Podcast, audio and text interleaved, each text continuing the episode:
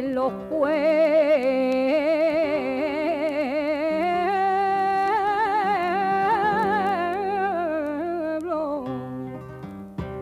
en los pueblos de mi Andalucía, los campanilleros por la madrugada me despiertan con su campanilla y con la guitarra me hacen llorar. Yo empiezo a cantar y al sentirme todos los pajarillos cantar en la rama y se echan a volar. Komið sæl, kærlustendur, Halla Harðardóttir og Tómas Sævar Ólarsson hels ykkur miðugdægin 7. september. Tónlistin sem við hefjum viðsjá á í dag kemur úr Söng djúpsins. En Söngur djúpsins er þryggja þátt að útarpserja sem rítöfundurinn Guðbergur Bergson, sem nú er fallin frá, stóð fyrir hér á rásinni árið 1981. Guðbergur Bergson fættist árið 1932 í Grindavík. Hann var ödull höfundur, skáld og þýðandi og hugsanlega eitt mesta ólíkindatól íslenskrar bókmyndasögu. Það má deilum það. Bók hans, Tómas Jónsson Metsölubók, olli strömmkverfum í íslensku bókmyndalífi og er jafnan talin fyrsta móterníska skáldsaga þjóðarinnar. Höfundaferill Guðbergs var fremur farsæl. Hann hlaut íslensku bókmyndaverlunin fyrir bókina Svanurinn árið 1991 og Norræn verlaun sænsku bókmyndaakademíunar sem oft eru kölluð Littli Nóbellin árið 2004. Hann var sendur ekki einum heldur tveimur rittarakrossum á æfiskeiðu sínum.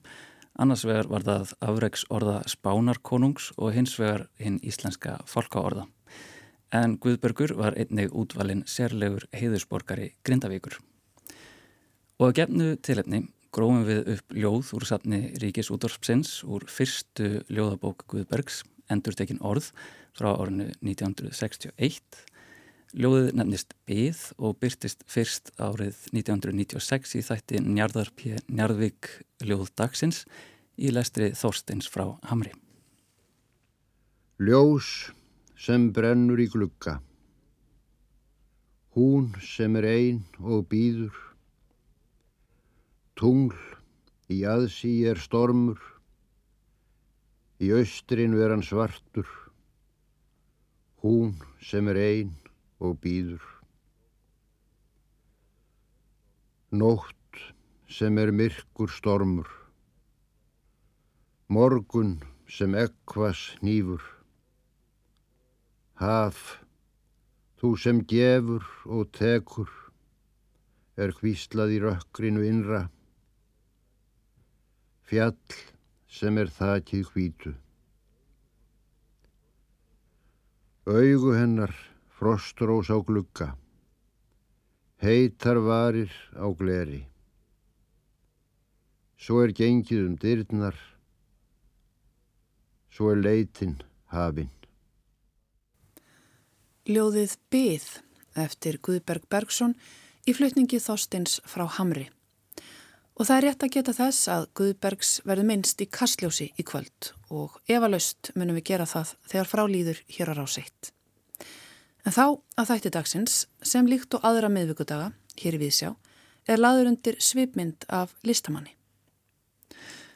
Hús eiga ekki að líta út eins og eitthvað ákveðið heldur á formið að fylgja frambóði á þeim efnum sem við höfum núna, efnum sem hafa þegar losað kólefni. Þetta segir Arnhildur Pálmadóttir, arkitekt, en hún er gestur okkar í sveiminn dagsins. Arnhildur hlauti liðinni viku viðurkenningu sem frumkvöðl í mannvirkjagerð. Viðurkenningin var veitt á húsnæðisþingi sem haldið var á vegum innviða ráðunætisins og húsnæðis- og mannvirkjastofnunar. Í mati dómnemdar sagði meðal annars Arnhildur hefur sínt eftirtöktaverðan kraft, framsakni, frumkvæði og árangur á sviði vistvætnar mannvirkja hönnunar. Arnhildur hefur slegið nýjan tón í íslenskri mannvirkja hönnun með framsækinni ringrásar hugsun og kom hún meðal annars á samstarfu við fremsta ringrásar hönnuð Norðurlandana, Landager Group. Arnildur ólst upp í skapandi umhverfi á Húsavík, lærði arkitektur í Listaháskóla Íslands og stundaði framhalsnám í Barcelona. Í dag reykur hún sína eigin stofu, SAP arkitektar, en í samstarfi við fremsta ringrásarhörnuð Norðurlandana, Landager Group. Arnildur er gestur okkar í dag eins og fyrrsaði og hún setur fyrsta lægið á fónin.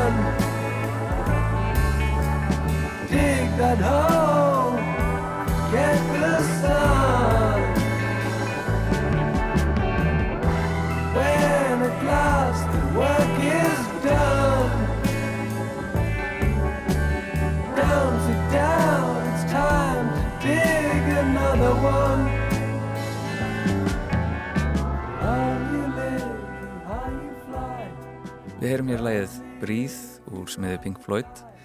Arnildur, þú valdir þetta lag fyrir þáttinn. Eh, getur þú sagt okkur aðeins hvers vegna? Já, það var svolítið erfitt að, svona, það var kannski ekki erfitt, en það var svona komað mörgleg til greina því ég alveg upp í fjölskyldu þar sem var mjög mikið verið að spila tónlist og hérna bæði mamma og pappi lustuði mikið á tónlist og svo átti ég hérna móðurbræður sem voru með einn út, rákægin útvarstöðu húsæk En hérna, ég valdi þetta lega því þetta er svolítið sterkar minninga frá því þegar ég var lítil og var að lesa upp í rúmi að fara að sofa og, og þá satt pappi frammi og var að teikna á teikniborð því hann var teiknifræðingur og teiknaði ofta kvöldinni fyrir fólk eða var að klára vinnuna og, og þá hlusta hann á sagt, Pink Floyd mjög mikið og Dark Side of the Moon og fleiri plötur. Og þetta lag í mann bara svo stert að, að sopna út frá þessari tónlist, þetta er svo indislegt tónlist að þetta hefur fyllt mér alltaf. Mm -hmm rosa, rosa hlý og, og góð tónmynd þannig í gangi. Já, falleg minning. Já. Já. Húsavík sem sagt. Já, ég kem frá Húsavík, er, er fætt á Húsavík og fórildra mínir eh, eru frá Húsavík og Akureyri í rauninni. Og varstu farin að spá í svona umhverfiðinu snemma, varstu að horfa á svo gamlu fallegu húsa Húsavík eða hvað svona, hvað leitiði á þessar slóðir arkitektsins? Já, ég held að hafi verið svolítið blanda því að bara almennt uh, í uppeldinu mínu að hérna, húsið heima var alltaf fullt af fólki og fullt af svona skapandi fólki því að ég kemur fjölskyldu bæði mamma kemur sérst, á sískinni og, og, og fólk sem eh, verði myndlist og verði hérna, eh, tónlist mjög mikið og pappi kemur líka, hans fjölskylda kemur úr svona handverksfólki sem voru játsmiðir og, og smiðir og, og, og heima hjá okkur var til dæmis, það var ímislegt í gangi, það var hérna á sömurinn voru oft rallikeppnir á húsæk, pappi hérna kefti rally. Og þá var bíl, kallarinn fullur að bílskurinn fullur að fólki að hérna, bæða líma auglýsingar á bílana og að laga bílana og hérna og við, já, við vorum svona þáttakendur í þessu öllu saman. Og náttúrulega mamma saumaði mikið þannig að ég varð svona strax upptikinn af því að búa eitthvað til. Og svo náttúrulega var þetta með að pappi var teknifræðingur, ég horfið á hann teikna hús og teikna byggingar og, og hérna, já, ég hafði alltaf mjög mikið áhuga um hverju mínu og bæði náttúrunni, við byggum svona í útjæri bæðarins þannig að það var mjög auðvelt að leggjast á bakið og horfa stjórnirnar og norðljósinn og, og hérna, og líka bara, já, allar þessar byggingar sem er á húsa, ekki svo kirkjan og Einmitt. En, en hvað verður síðan til þess að þú, þú viljur að fara e, í listaháskólan í nám í arkitektur? Það var eiginlega alltaf svona undirliggjandi markmið. Ég, ég náttúrulega gerði allt öfugt í lifið mínu. Ég, ég átti dóttu mínu 17 ára og, hérna, og fór svo lærði, eða sérst, ekki lærði reynda strax sem fór að vann sem tækniteiknari og, og þetta var svona alltaf lág í loftinu. Ég fór að vinna verkvæða arkitekturstofum bæði á Ísland og í Nóri. Ég lærði þrývítar hönnun áður en að það varði einhver svona í rauninni komið almeinlega í gang og fór að vinna við þannig teikningar og, en það lág alltaf svona á bakvið að ég ætlaði, mér langaði í arkitektanámið því að það bara gaf mér tækifæri til þess að gera svo miklu miklu meira en ég lærði mjög mikið á þessari tekniteiknun eins og að vinna þessum verkvæðastofum, teikna brýr og, og burðavirki þak, þakki og ímislegt svona þannig að já, þetta var, mér var held ég alltaf ætlaði að gera þetta en ég fóð svolítið auðvað leið þannig að ég var orðin 30 þegar ég fór í listaháskólan og hérna og komið með svona mjög góðar undirstöður bæði Já. úr þessu uppeldi sem þú ert að lýsa og hafa verið úti að vinna og þetta ung móðir sem þú þurft að reyna ímslegt.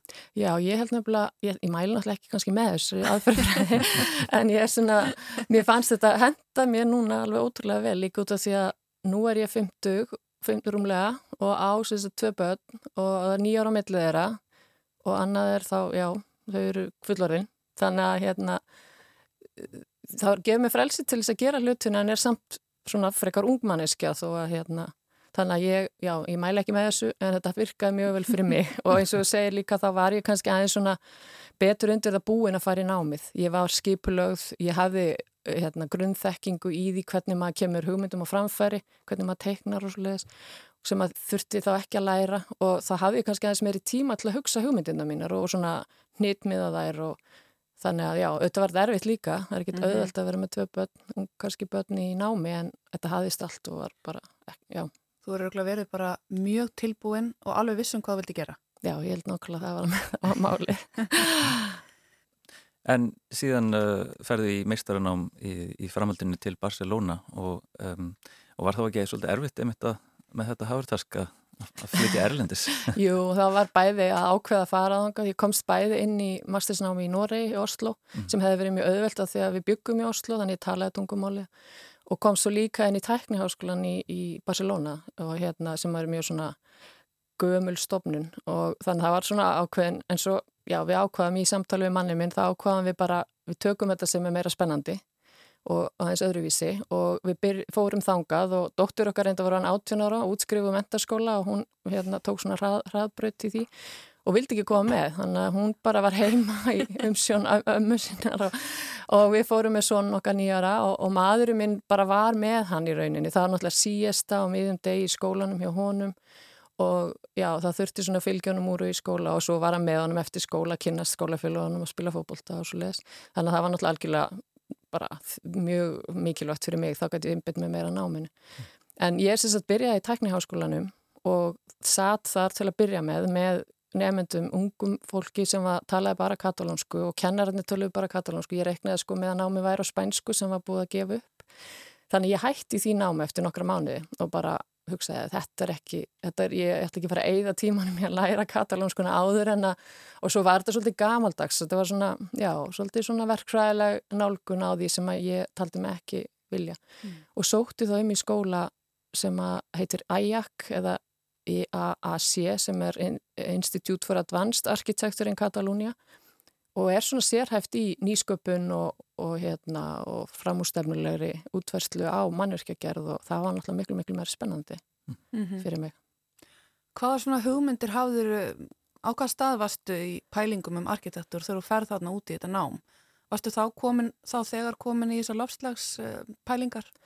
Sko, ég hafði unnið hjá Studio Granda á Íslandi meðfram skólanum og á sömurinn og þau eru náttúrulega bara algjört æði. Þau eru svo miklu frumkvölar bæði bara í hvernig þau skapa sín verkefni en líka í rauninni í lofslagsmálum af því að þau hafa alltaf hugsað lofslagsmál sem eða að nýta efni vel, endur nýta ekki rýfa, það hefur alltaf verið hluti af þeirra, þeirra hugmyndafræði og ég er náttúrulega með því að vinna hjá þeim þá hérna, fann ég fyrir þessu og það er þetta kvartið mig líka og ég þetta, hérna, já, það er ekki fyrir núna kannski sem við erum fann að reikna þetta allt saman út sem þau eru ekki að gera en, mm. en þau voru miklu, eru miklu frumkullar í þessu og eru enna að vinna á þennan hátt. Mm -hmm.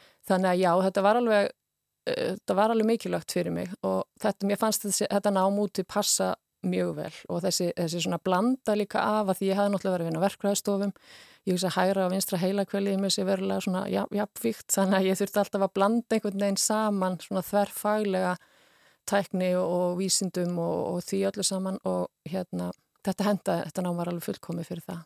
Emitt, þegar þú talar um að fyrir skólinn hafi verið svolítið svona gamaldags og þunglamalegur en þarna hafi verið einhverjar aðrar hugmyndir svona verið að spá í nýsköpun, hvað var að gerast í skólan og hvaða hugmyndir voru í gangi? Þetta var 2008 og þar voru til dæmis hugmyndir um um hérna, þar það var mikið verið að nota forritun og, og hérna svona skinnjara og ímislegt í varandi borgarhönnun þannig að þeir byggu til dæmis til verkefni sem var svo sínt á fenniðatvíjaringnum það ár sem hétt hérna uh, Smart Citizen. Og það var svona tenging á milli sem, það var svona eins og við verðum að gera talum og er að koma svolítið núna í dag að, hérna, að sjá hvað þú nota mikið að vatni, sjá hvernig fólk hreyfist um borgina og ymslegt svo leiðis. Svo var líka, það er mjög mikið verið að nota tölvutæknin á forritun til að hjálpa okkur að skilja umhverfuð og hérna, mikið samvinna við MIT og, og fleiri skóla og svo var verið að, hérna, svo var þarna Fablab, fyrsta Fablabið í rauninni held ég bara í heiminum sem var þarna reyndar í MIT var held ég fyrsta og þetta var fyrst í Evrópu og það var bara mjög stort með þrývitaprenturum, leysiskurafélum og öllu því sem að hérna í dag þykir svona aðeins vennilegra en mm. þá mhm. var það mjög sérstakt. Þannig að við gerðum mótilin okkar í þessum vélum og lærðum á tæknina. Mm. En, en framústefna var líka svo að engin verkefni voru venjulegt. Þú gerðir ekkit bara venlegt hús. Þú þurftir að raukstiðja og útfara húsi þannig að það væri eitthvað sérstaða og það hefði einhver jákað áhrif á umhverfið og ég man eftir þau höfðu mjög mikið áhuga á Íslandi að því að þeir skildi ekki í því að við værim ekki öll orðin rafmagsvætt 2009 þá voru þau að velta því fyrir sig akkur verður ekki bara að kera með rafmagsbíla akkur er þið ekki, þú veist, akkur er ekki búin að passa hálendið upp og veist, þetta var einhvern veginn, já það var svona hluti sem við hefum kannski geta verið búin að gera fyrir löngu Einmitt. og erum búin að koma okkur í vandraði með núna Þannig. Sko það sem þú ert að lýsa hérna er doldið svona þessi aðferðafræði sem er að leiða okkur á okkur nýjan stað í fagafræði það ekki arkitektur í dag. Þannig er þetta að lýsa því að arkitektin er að svona bregðast við umhverju sínu og móti eitthvað inn í eitthvað samengi og aðstæður sem eru í gangi á meðan kannski á síðustu öld og svona, já, kannski ennþá í þessum þunglamalega skóla, ég veit það ekki og ef við hugsun bara um mótinískan arkitektur þá er það eitthvað svona manneska sem sest niður með aukt blað og bara skapar út frá sjálfum sér. Þetta er svo miklar breytingar sem átt sér stað núna á stundin tíma. Já, og hei, hafa eiginlega ekki átt sér stað endilega í skólunum ennþá. Það er svona svolítið vandamáli. Það er, svona, er þessi skóli svolítið framsækin en Það er einmitt, já, ég er einmitt uppbóðalds arkitektur minn heitir Leppus Woods og hann hefur aldrei, hann byggði aldrei neitt. Hann dó reynda 90, nei 2018 eitthvað svo leiðis en hann teiknaði og hann, hann hugsaði og hann kom fram með hugmyndir sem voru svo ótrúlega flottar. Það sem hann var einmitt að bregðast við flóttamannavandanum, hann, hann var að bregðast við stríðinu í, í, hérna, í Jugoslavið þegar það var og hann, hann var svona að hugsa lausnir og hugmyndifræði sem að hérna sem að, og, og tólkaði þeir gegnum teikningar af mannvirkjum, hvernig mannvirki gæti einhvern veginn tekist á við þetta allt og við erum ekkert komin eitthvað rosalega langt kannski þannig og varandi fagufræðina þá erum við enþá svolítið upptökin að því hvernig bygginga lít út mm -hmm. og mér finnst til dæmis núna með þessar pælingar sem ég, ég er að vinna í varandi endurnýting á byggingarefnu þá er svo mikilvægt að við breytum þessu að hús þurfa, það er svona húsi ekki að líta út eins og eitthvað ákveð heldur, heldur er þetta svona að formi fylgi bara frambóði á efninu sem við höfum núna og getum, sem hafa þjóðlosa kólefni þannig að þetta skiptir svo rosalega miklu máli mm -hmm. og já, í skólanum með mitt voru við mjög mikið reyna að sjá fyrir okkur hvernig maður taka, til dæmis var eitt verkefni þá var flóttamanna vandamál, ströymur flóttafólks sem að hérna, það er náttúrulega ekki flóttamanna vandamál, flótta er bara vandamál þess að, að við erum ekki að hugsa nú vel um hlutina og fólk þarf að flytja frá, frá heimilum sínum Þannig að við gerðum til dæmis borg sem átti að hýsa miljón manns alveg frá grunni og við fórum um þetta að hugsa þá hvernig væri það á Íslandi. Við getum ekki ef við myndum byggja miljón manna borg frá grunni. Við erum náttúrulega svo fá. En já, það er, það er bara mjög margt sem við vorum að læra í þessum skóla þarna sem við erum ekki alveg enn búin og byrjuð að skoða í alvörunni í dag. Sko. Þannig að... Einmitt. Ég held uh, áður en við höldum áfram að hérna, spyrja það út í þín verkefni og, og svona þína, þínar hugmyndir og hvað er búin að vera að gera, þá ættum við að setja kannski næsta lag á fónin, er það ekki? Jú, eða ekki.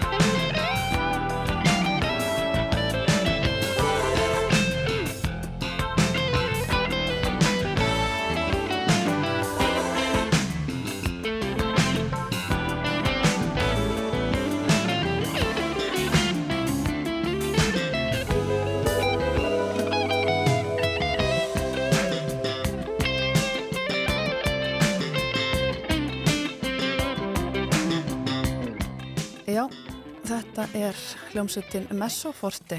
Arnildur Pálmadóttir, arkitekt, sýtur hérna með okkur í svipmynd í Vísjá. Við erum svona aðeins að reykjurur garnirnar, Arnildur.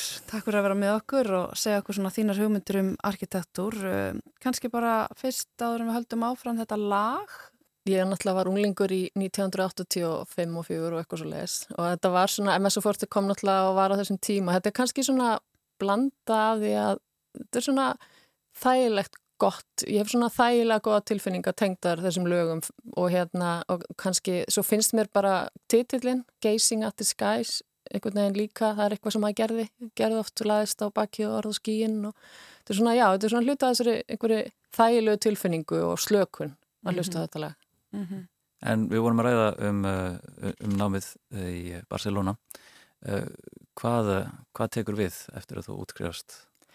Þá flutti ég heim ekki að því mér langaði að gera það heldur að því að það var hrun og bara líka hrun á spáni. Mm. þannig að byggingamarkaðurinn þar var líka, fór, í, fór bara í, í núl og þá fluttu við ákvaðan við, við vorum heilingi ákvaða hvað ættum að gera. Dóttur okkar var í Reykjavík í námi og hérna svo uh, þá ákvaðan við að fara aftur til Lúsavíkur og leifa stráknum okkar svona að prófa að alast upp þar í smá tíma, spila fótbolta og hérna gera eitthvað svona sem hún fannst skemmtilegt þannig við vorum þar í þrjú ár og nei, voru það lengur, voru það í fimm ár. Það enduðum í fimm árum og hérna þar sett ég upp svona vinnustofu með þeim eitt leysiskurðavél og fór að framlega í rauninu bara svona lítil pústl og, og hlutist sem að tengdust ferðamennskunni og vann svo samlega því í, í aðarkitektaverkefnum bara það var náttúrulega rosalega lítið í gangi en þetta voru svona verkefni sem tengdust á skiplagsverkefni og, og hönnun á, á húsum og viðbyggingum og svo les en, en það var svona afrika rólegt á þessum tíma. En svo þegar það fór að hérna svona aukast aftur þá ákvaðum við að fluti aftur dreikja aukur og þá fekk ég vinnu hjá Pálmari Kristmundsinni arkitekt sem er einmitt mjög góður í þessum svona efnisvali og, og gæða, gæða hönnun og hérna það var mjög gaman að vinna hjá honum. Og hérna en, en eftir þrjú ár þá ákvæði ég sérst að stopna minna einn stofu. Mm -hmm. og gerði það fyrst með vinkonu minni og hérna sem, voru þar saman í tvö ár og svo ákvæðan við að hérna fara, sitt, fara í sitt hver áttina með hérna stofurnar og þá stopnaði ég SAP arkitekta. Frá því ég útskrifaðist og þangar til að ég fór að reyka minna einn stofu þá var svona ekki tíðarandin til að vera mikill frumkvöðl í, í, í umhverjusmálum. Það var einhvern veginn bara verið að byggja hérna, lítið og einhvern veginn mjög mikið tala um peninga og, og fólk var svolítið í vandræðum en þá þannig að þetta var einhvern veginn ekki alveg, það var ekki alveg lagað svona koma stökkvandi með það inn á þessum tíma þó það hef alltaf verið svona baka eira og en reyndar gerði ég eitt verkefni fyrir norðan með vinn okkar sem að á hérna lítið gistuhús hann keifti sér sett gammalt fristihús neyri við sjóen sem heiti Tungulending á Tjörnesi og það var í rauninu bara gammalt uh, fisk, hvað segir maður, bara hérna fiskiðnaðarhús, mjög lítið. Og hann tók það allt í gegn og við sem sagt uh, breyttum því aðeins, hækkuðum þakkið og endur nýttum mjög mikið af því efnum sem voru þar frá því áður og, og hann smíðaði húsgögn annað úr efnum sem voru þar. Þannig að þetta var svona fyrsta kannski endurnýtingaverkefni sem við gerðum. Einmitt. En svo er það ekki fyrir að þú stopna þína einn stofu sem þú getur farið að einbytta þar algjörlega þessum verkefnum. Já, þá eiginlega svona þá líka bara var í orðin svolítið svona uh, já, hvað segir maður svo ég var svona svolítið svöngi að fara að gera eitthvað í þessu, nýta þessa þekkingu og, og hérna og já, og fór bara stað í rauninni að, að reyna að finna bæði leiðir til að endur nýta byggingarefni og til að að finna einhvers konar úrgangsströyma þar sem við gætum nýtt efni betur og hérna uh, sótum styrk til að, til að hérna, gera það og og, og reyndi svona eins og ég gati verkefnum að koma þessu að.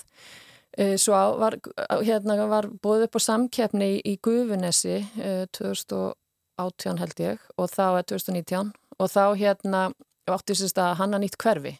Og það breytti svona svolítið eh, hérna lífið mín þannig að ég hugsa, fór að hugsa svolítið svona hvað get ég gert einn þar ég, ég meina ég var búin að gera ímislegt en mér vantaði svona aðeins einhvern veginn bakk upp í að sína að við varum búin að gera, það var búið að gera þetta. Og ég var að leita þessu sem ég langaði að gera á netinu þá fann ég alltaf sama sömu arkitektustofuna sem var dansku arkitektanir lendager og hérna þannig að ég fór svona uh, kannski heyri ég bara í þeim, kannski vilja þeir vera með í einhverjum verkefnum eða prófum að vinna saman og þannig að ég sendi þeim bara post og fekk svar og við tókum sérst tátt í þessari samkeppni saman og, og hún var í Guðvinnesi uh, um ákveð svæði og þar stungum við upp á að nýta í rauninni afgangsefnu svæðinu í nýju byggingarnar mm -hmm. og það mhm. var svona fyrstar umverulega stóra verkefni þar sem við, ég, við stungum upp á þessu. Einmitt. Sko við tölum aðeins um lendaður þessa stofu sem er mjög þekkt í Danmörku og fjekk Mísvandur Ró velunin í fyrra ekki satt. Jú. Fyrir mjög áhugavert verkefni. Kanski segja okkur hans frá því? Já, það er hérna Resource-rekkina heitir það verkefni og það er sagt uh, verkefni þar sem að þeir uh, voru til dæmis að endunýta uh, músteinsveggi og hérna þar uh, Anders er náttúrulega búin í mörg mörg ár í tíu ár búin að vera frumkvöðl á þessu svið og leita að einmitt, við vorum svona að vinna svolítið með sömu hugmyndir nema hann náði náttúrulega var bara á undan. Og hann var að leita úrgangsströymum og hann fann til dæmis út af múrsteinar ekkert að því endur nýta þá. En eftir 1960 þá uh, voru þið límdi saman með sementi þannig að það er svo, erfitt að náðum í sundur að í þessu verkefni mitt þá ákvaðan að skera það út bara, vek, bara búta úr vekkjónum og endur nýta það aftur sem útvekjaklæningu og byrja á því að gera það bara með handvirt en, en enda svo að því að vera í samstarfi við hásk, uh, háskólan í, tekniháskólan í Kaupmannhöfn og þá bygguðu til eins konar róbota þannig að þeir gáttu náð kostnaðinum niður og þetta snýst svo oft um það í svona verkefnum það er að sína verkkaupanum að við, þetta sé ekki dýrara, að við séum sem sagt að koma með einhverjar öðruvísi lausnir en það séu ekki endilega dýrar og það krefst náttúrulega mikils að hönnuðunum. Mm. En þetta hús var líka með endurnýttum gluggum þar sem að gluggar eru teknir úr húsum sem er verið að rýfa, þá timpugluggar og þeir eru yfirleitt bara settir, þeir eru náttúrulega bara skoðaðir og, og, og hreinsaðir ef þarf og svo settir saman aftur á svolítið svona mismunandi hátt og í Danmörku þá setja þeir sagt, gluggana saman tvo, tvöfall laga því þeir eru með hærri kröfur á einangruna gildu glugga og það kemur bara mjög skemmtilega út og þeir hafa verið að nota þetta í öðrum verkefnum líka en uh, já, resursrekkan er með ýmsum endunýtingar uh, hlutum eins og brú sem kemur úr hérna, metrokjörfinu og var verið átt að, átt að urða og hún var sett á milli hérna, efstu hæðana þannig að að lappa á milli þak, þakhæðana á húsinu mm. og henni var skáskott því hún var aðeins og laung þannig að þetta, er, þetta gefur, þetta er við að tala eftir um þessa fagufræði sem er allt öðruvísi og mm. hlutinni líta aðeins öðruvísi út en fólki þykir með væntum þessi hús mm -hmm. Já, og sprettu bara eitthvað algjörlega nýtt útlitt sem að sem er áhugavert og börning hvað er fallegt og hvað ekki. Og það þarf eitthvað að liggja á bakveg ekki satt eða eitthvað Jú, þá náttúrulega er þessi saga, fólk getur klappað mústinunum og sagt þessir koma úr bjórversmiðinni, Karlsberg bjórversmiðina því þetta eru, já, þetta er vekkur þaðan og, og þá eru þetta þá, já, þá verða gæðin meiri og, og, og auðvitað sem arkitektar sem erum að hugsa um umhverjusmál þá erum við líka alltaf að hugsa um byrtu skilirði og, og, og samfélagslega áhrif og allt þetta en mm. ég veit til dæmis að þessi hús hafa verið með hæsta eða þetta verið með hæstu fastegnaverðum þannig að það, það er ákveðin hérna, ákveðin business í því að byggja mm. umhverjusvend líka En uh, það hljóma nú samt eins og einmitt þetta sé svolítið svona, svona kannski svona vankvæðan bundið einmitt þegar að uh, efnið er línt saman með sementið og þá einmitt verður verkefni erfiðara og uh, hverju myndur þú segja væri svona einmitt, helstu vandræðin sem að þú tekst á við í, í þínu starfi? Já, það kannski, sko við erum náttúrulega, ég er að reyna að finna ekki pjóli og þess vegna er ég samstarfi við, við þá úti og eða við, ég er náttúrulega verið bara búin að stopna í rauninni stofi hérna saman. Þannig að þessi atrið eru þeir oft búin að leysa. En auðvitað er það margt, það er margt svona e, það er þessi, þessi, þessi rannsóknir til dæmis á efnunum, eru þau í lægi ég veit til dæmis að þau hafa verið að rannsaka málumplötur sem þeir að nota er einhver eiturefni í þeim en þau hafa líka verið að komast að einsum hlutum eins og það að, að það eru í, í Danmörku til dæmis eru kröfunar á tæringu gamlar frá 1950 og 60 og það er stálið eða ál til dæmis að vera miklu þykkara heldur en hérna heldur en að því að það var súrtregn, í dag er ekki lengur súrtregn og þá er þetta að minka þessa kröfur. Þannig að þetta snýst svolítið mikið um að vera alltaf að kanna reglugerðirnar og reyna að uppfylla kröfur í reglugerðum eða tækni, tæknilegum uh, kröfum og þá þurfum við náttúrulega að geta testað og það fyrir að reyna það núna á Íslandi að því að við erum í nokkrum verkefnum þar sem við erum ekki með eina rannsóknarstof eins og staðan er. En mér skilst nú þess að við erum að reyna að leita lega til að leysa það. En þá þurfum við til dæmis að ef við myndum gera svona glugga sem við erum reyndar að fara að gera í einu verkefni að setja, nota gamla glugga þá þurfum við til dæmis að slæguðusprófa þá. Og þá þurfum við að geta gert það og við þurfum að kannski að já, kanna styrk og eitur efna að prófa þannig að ég sé kannski þetta að fá fólk til að treysta efnunum aftur og að endíkja tíminn sé jafn langur það er kannski svolítið það sem að hérna, eru áskoraninnar mm. og líka bara, já, svolítið að já, einmitt þetta með fagufræðina líka mm. að, að við getum hannað nógu svona áhugaverða byggingar til að það er bara, já, skemmtilega áskorun að gera það Það hljóta að koma margir ólíkir aðilar að svona verkefnum því sem þú ert að lýsa. Hérna. Þú ert að, talað um það að þú þverfaglega nálgun sé mjög mikilvæg. Hvers konar fólk ert að vinna með svona úr ólíkum áttum í þessum verkefnum? Já, við erum sem sagt eh, á stofinni og við erum sem betur fyrir komið núna afleggjara hérna og það, þá erum við ofta að vinna með einhverjum hringrásar sérfræðingum eins og, eins og einhverjum, já þá sem hafa verkfræði bakgrunn líka og geta hérna testa þessi efni.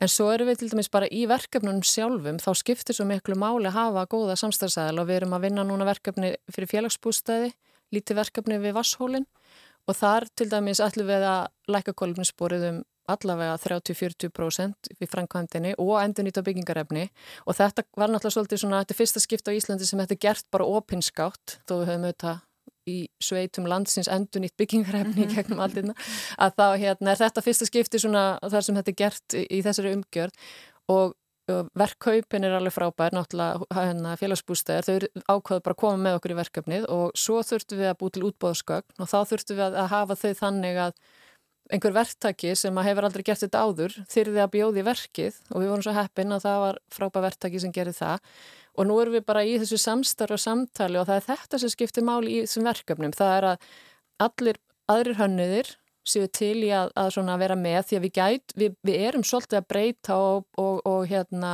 þróa verkefni samhliða því sem við vinnum það að því að við til dæmis með klæningarefni við ætlum að endurnýta, bygging, uh, endurnýta timbur í klæninguna og við erum ekki alveg búin að ákveða hvaða kæmi, það er ekki það að sé, sé skortur á afgangstimbri, það er meira bara hvaða ströyma um að velja. Þannig að við þurftum svona halda á hvernig hlutum opnum sem er náttúrulega mjög óþægilegt fyrir verktaka sem eru búin að reikn út þeir, hvernig þeir einhvern veginn vinna verkið svo tímalína og annað. Þannig að þetta krefst svona svolítið meiri svona samræmingar og, og, og hérna og svoleiðis af, af arkitektunum og hönnuðunum en það, það finnst mér einmitt mjög skemmtilegt því að maður lærir og, og svo finnum maður hvernig allir eblast þegar verkefni byrjar að þá fer, fara að koma svona uh, upplýsingar frá þeim líka og tillögur og um þróunina og það er það sem skiptir öllu máli. Mm -hmm. Krefstur líka þólumæði Já, þólum maður seglu. Áhugavert þú talar hérna um sko, hvernig við verðum að byggja gegnum aldirnar hér á Íslandi, við hugsaum torfhúsin bara og hvernig við verðum að endurnýta í gamlu húsin aftur og aftur. Er þetta eitthvað sem þið hugsi líka um, talandi aftur um fagafræði en líka bara aðferðafræði, þessi arfur sem við eigum, horfið í söguna? Já, við erum einmitt að fara að vinna verkefni núna þar sem við ætlum að skoða þessi, þetta verkefni, bara torfbæin í rauninni og, og svona möguleikana á að skala upp það sem virkaði vel þar. Það var náttúrulega svolítið áhugavert að torparinn var svona eins og í dag kallað design for disassembly að hérna svona hönnun til niðurrifs að því að það var mjög auðvelt að taka hann í sundur og auðvelt að breyta honum og, og hann var jável færður á milli staða þannig að það er einmitt eh, eitthvað sem okkur langar að skoða og bara efnin sem voru í rauninni eins og torfið og, og það sem að hann var byggður úr og steinefnin líka því að við hérna ég er náttúrulega að vinna annað verkefni til hliðar sem heitir lavaforming og snýstum að nýta raun sem byggingarefni. Þar kemur þessi hérna kannski úr skólanum þessi svona tilröndakenda hérna, hugmynda, hugmynda vinna. Þannig að ég verð alltaf að hafa eitthvað líka sem er ekki til og gerist í framtíðinni. Sko. Svo hugmynd hljómar hans ekki ekkið Já. og vakti mikla aðtili líka þegar þið komið fram með hana. Kannski að segja hlustundum aðeins frá henni. Já, hún snerist þess að hana er myndi að vinna með sinni mínum sem er einmitt í mastersnámi arkitektur í hérna í, í Los Angeles akkurat núna var að fljú í gær út. Og hann hérna, við sagt, vorum að tala um bara hvaða byggingarefni eru íslensk, hvernig getum við reynda, hvað getum við stungið upp á sem íslensk, íslensk byggingarefni? Og þá er þetta steinefni augljós. Og þá fórum við að skoða þetta og velta fyrir okkur, þetta var áður en að fóra að gjósa hérna Reykjanesinu þannig að það var svona hólurheinsgósið var held ég nýbúið og hérna, við vorum að hérna, velta fyrir okkur að þarna kemur bara allt þetta byggingarefni upp úr jörðinni veldur eitthvert bara eftir því hvernig landslæðið er og oftast er við bara hrættið þetta, þetta er á leiðin eitthvað og, og hérna, af hverju nýtu við þetta ekki? Og við reiknum út kólefnissporið eða miklu minna en að steinsteipu þó að þessi kólefnisspor af þetta eldgósum og, og þetta komaði bara, við ráðum ekkert við það. En hérna en það er samt minna en að steinsteipu þannig að við hugsaum okkur að það, hvernig, hvernig getum við nýtt þetta? Og fyrsta hugmyndin var að, að rauninni grafa svona í rauninni rásir og láta rauninni þá renna í rásir það sem væri fyrirhugað að gæti gósið og, og grafa svo frá þessum rásum þegar það er hafa kóluna þá væri við komið með svona stóðveggi sem getur verið burðarkerfi fyrir heila borg. Og hugmynd nummið tvö var að hérna að nota eins og er núna ef við, við faradalsfjall þá eru svona podlar af, af hrauni sem hefur aðeins kólnað en er samt fljótandi. Að nota þá e, þrývitaprentara til að, að sérst, hleypa því niður í rásir. Og þrývitaprent úr því það eru til þrývitaprentarar hjá MIT sem að uh, þrývitaprenta með bráðnu gleri og það er svona svipa hittastega á bráðnu gleri og þessu, þessu hérna, hrauni Og, og svo, já, þannig að það var svona einhugmyndin og ég vil að búa til úr því einhverja einingar sem var eftir að flytja í burtu. En, en alltaf markmið að nota sem minnsta orku utan að komandi orku, nota bara orkuna sem kemur úr, úr hérna, úr jörðinni. Og svona minn er mitt fann áhuga að vera tengingu að hérna varðandi nýju stjórnarskrána og að þar er verið að tala um að, að hérna e, allt efni sem kemur upp úr jörðinni ætti að vera í eigu þjóðarinnar og þá hugsaum við þess að borgir geta þá auðvitað byggingarefni verið í eigu þjóðarinnar og þá getum við byggt borgir sem þjóðin á þannig að þetta eru svona, já, ímsar pælingar og líka svona svolítið meira sem eru svona eins og kannski geoengineering sem að þykir ekki alltaf mjög gott og það er þá meira orku krafist við þess en það er þegar verið að leita að Uh, svona superorku mm. það er verið að gera það fyrir kröflu til dæmis þess að þeir bóra nánast nýra kviku til að reyna að ná upp uh, vökva sem að getur verið bæð á gas og vökva formi að kalla supercritical fluid og mun, myndi leysa mjög mikið á okkar orku hérna, skort í heiminum eða ekki orku skortin, við myndum allan að fá miklu meiri orku. Og þar hafa þeir farið nýri kviku og þá eru við að velta fyrir okkur getur við bara náð í hana? Getur við hérna mm en ég held, ég hrættum að það sé kannski svolítið svona Þetta er alveg ótrúlega framústefnilega hugmyndi Mér, þetta hljómar svona í mínu meirum eins og upphæðað eitthvað uh, vísendaskaldsögu kannski mm -hmm. en hérna sem er kannski gefið beint tilöfni til þess til að spurja þig Arnildur hvernig sér þú fyrir þér borgir framtíðarinnar? Já ég hérna við verðum náttúrulega að fara hætta að nota svona jómfrúarefni, svona virgin material þannig að borgi framtíðarinn að verða kannski einhvern veginn uh, byggðar úr því sem við erum með núna og ég held að við þurfum að hérna hugsa líka bara um hennan mannlega skala, hvernig viljum við búa, við viljum hafa okkar eigin svæði, COVID kent okkur líka, við þurfum að hafa svalir, við þurfum að hafa sól sem kemur inn á réttum stöðum en ekki í einhverjum boksum þar sem að plöntunar okkar degja og þar sem við sjálf kóðunum niður, við þurfum að, þurfum að þetta út frá okkar, okkar hérna, lámars þörfum og, og einmitt þetta þá að, að byggingar og byggingar efni verða ekkit innflutt frá Kína samsett og, og hérna ekki hægt að endurvinna þau. Maður sér sér stundur sjálfan á, á sorpu með eitthvað sem maður kefti og, og maður veit ekkit hvað maður á að henda því því að maður nærði ekki sundur, það er plast og stál og og eitthvað fast saman og maður bara hvernig óskupunum á ég þannig að veist, þessi efni ættu bara að vera bönnuð. Við ættum bara ekki að fá leifi til að, að hérna, framlega þau eða þá í, á Íslandi ættu við ekki að fá leifi til að flytja þau inn. Þannig að persónulega finnst mér nú að við ættum bara að fara að loka á þessi efni og hleypa bara inn í landið efnum sem við auðveldlega getum endur nýtt og við ætlum einmitt að hafa síningu í vor sem við kallum Veistland Ísland því að lendagar var með síningu úti sem hétt Veistland og þar voru við að skoða ströyma og efni sem eru til í rauninni í ringrásinni og hvernig er hægt að búa til nýja efn úr þeim. Og við ætlum að gera þetta núna fyrir Ísland og það er einmitt eitt af markmiðunum okkar að skoða þetta. Hvernig við getum nýta sem er hérna núna og hvort að við getum já, hvernig væri ef við myndum jável bara ákveða að það er ákveðin efni bönnuð og hérna hvort, hvernig borgir getum við byggt úr því og byggingar mm -hmm. þannig að við erum að skoða þetta alveg stanslöst og, en það er alltaf svolítið erfitt að sjá svona fyrirfram að því að hlutinni þróast mismunandi en þess vegna finnst mér svolítið gaman að vinna svona verkefni eins og lavaforming sem er svona, það er ekki beint utopíst og ekki dystopíst, það er bara, er bara framtíðaverkefni, ég veit ekki hvort það er gott eða slæm en hérna uh, að því að það tógar kannski svolítið áfram að utan svona það tógar kannski mannverkjagerð og, og hugsunin aðeins utanfrá meðan að þetta sem við erum að gera dagstæðilega með endurnýtingar uh, endurnýting og byggingar er svona við erum að íta innanfrá, við erum að reyna að breyta reglugerðum, við erum að hjálpa til við að þannig að þetta er svona, ég held að bæði sér mikilvægt að sjá fyrir okkur heim sem gæti orðið af því hann verður allavega alls ekki eins og hann er í dag Einmitt. Það er eiginlega ekki alveg hægt að tekna hann upp Nei, það er ekki alveg hægt að tekna hann upp Og alltaf komum við aftur að öllum reglugerðunum Já, uh, sem betur fyrir mannvirkjagerð á Íslandi þá er HMS að standa sig mjög vel og, og er að fylgja okkur og bakka okkur mjög mikið upp með, með þetta.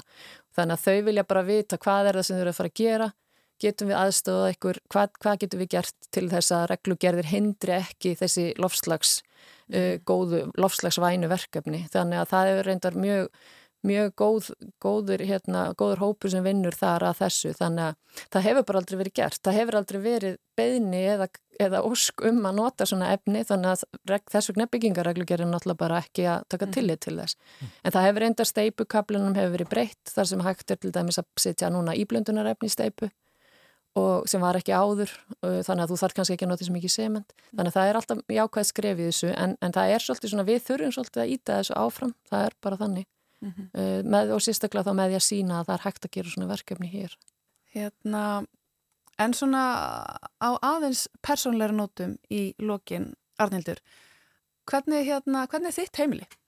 Ó, þetta var sko ég bý núna í mjög lítilli leigu íbúð en ég var að kaupa mér aðeins starri íbúð uh, þar sem að ég mitt uh, ég var að taka út svolítið mikið af það þurfti að taka út þar ákveðin efni sem voru svona já, 25 ára gömul gamla spólnarplutur og svo leiðis þannig að ég því miður einmitt ég reyndar náða að nota grindarefni sem að var ákveðnum stöðum og er að smíður því húsgökk fyrir svalinnar en, en hérna ég svona, mér langar alltaf að búa það sem er ótrúlega lítið af auka hlutum og auka efni. Og það er svolítið mín hönnun líka að ég reyna hanna byggingar sem að hafa mjög lítið af auka, auka efnum.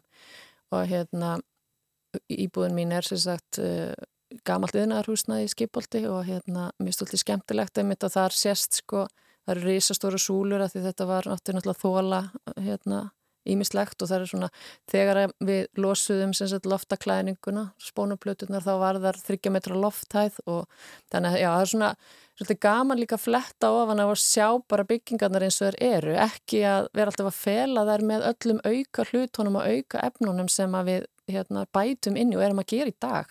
Auðvitað sumt þurfum við að gera út af hljóðvist og einhverju svoleiðis en við erum algjörlega að nota allt og mikið af efnum. Þannig að já, ég hérna heima hjá mér er, akkurat núna er eiginlega neitt af því að við erum ekki fluttinn en ég ætla ekki að, já, ég um mitt vil helst ekki bæta við efnum og, og hérna nota hann en auka efni en ég vil með mynda að nota aftur gömlega eldhúsinnritinguna hún er hérna 25 ára og bara í fínu lægi þannig að við ætlum bara að mála hanna og þannig að þetta verður svona blanda endurnýtingu og, og svona einfallleika mm -hmm. Hvað er svona fyrsta sem þú hugsaður um þegar þú kemur inn í hús? Hvað grýpur á aðtegliðin? Er það rými sjálft, byrtan, hljóðvistinn, hvað svona, hvernig á húsa umvefi okkur? Já, ég hugsa að það er oft byrtan og, og kannski þá rýmið svona hvernig maður kemur. Mér finnst einmitt ótrúlega áhugavert að hvernig maður kemur inn í íbúðir af því að nú hanna ég nýjar íbúðir og, og í fjölbylishús hef gert það og svona ég, það er oft þetta þú veist þú kemur inn og það er bara svona langu gangur sem mætir þér.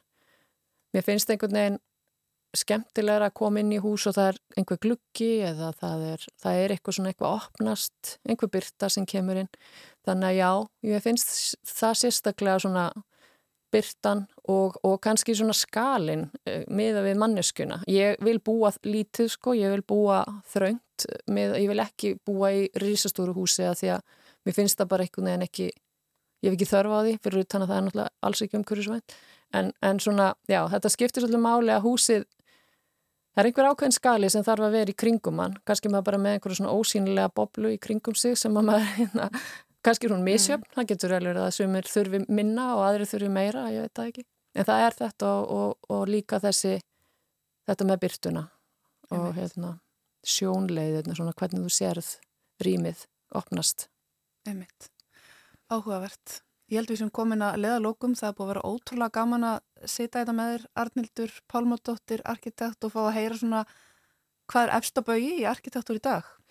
Já, en við ætlum að klikka út á uh, svolítið skemmtilegu lægi. Uh, það heitir Adore You með Fred Again. Er þetta til að segja okkur aðeins frá þessu lægi? Já, þetta er sko upp á síðkast, eða svona síðustu árin þá hafa eftir að börnum mín urði eldri þá þau eru bæði náttúrulega algjörir misturar og bæði í hönnun, dótti mín er, er með masterskráði í prjónahönnun, fatahönnun frá hérna, Parsons í New York og, og, hérna, og sonur minn er núna í mastersnám í arkitektur og er miklu róttakar en ég og, og hérna, við vinnum saman í misverkum. Þannig að þau eru svona innblá, veita mér innblástur og, og aðhald líka auðvitað, eins og börn gera. Og ég hef svona svolítið verið að stela þeirra tónlistar hérna, það, það sem þau eru að hlusta á þó að ég, hérna, því ég er aðlæta á tónlist og, og hoppar svolítið eins og kannski sést á þessum þreymur lögum þá er það svona mjög mikil fjölbrytileiki og þetta lag er bara nýlegt lag og við hefum verið að hlusta á það og mér finnst það svo fallegt það, það, þeir eru líka báði söngverðarnir að syngja þar um sískinni síns og það er þessi tenging við þau tvö að hérna já, það er svona það, þetta er bara mm, fallegt lag og, og skemmtilegt og svolítið anda þess sem við hefum verið að hlusta á. Og þessum tónum ætlum að ljúka við sjá í dag. Takk fyrir komina Arnildur og við Halla og Tómas Ævar, þökkum fyrir okkur og þökkum Mark Eldrett fyrir gott ljóð. Veriði sæl og heyrumst á morgun. There's so much better with everything Nice and in my chair, there's no compare. I adore you. Ooh, I adore you. I came first, but you're ahead, ahead beyond your years. People try, try to find this thing you've always been. I adore you.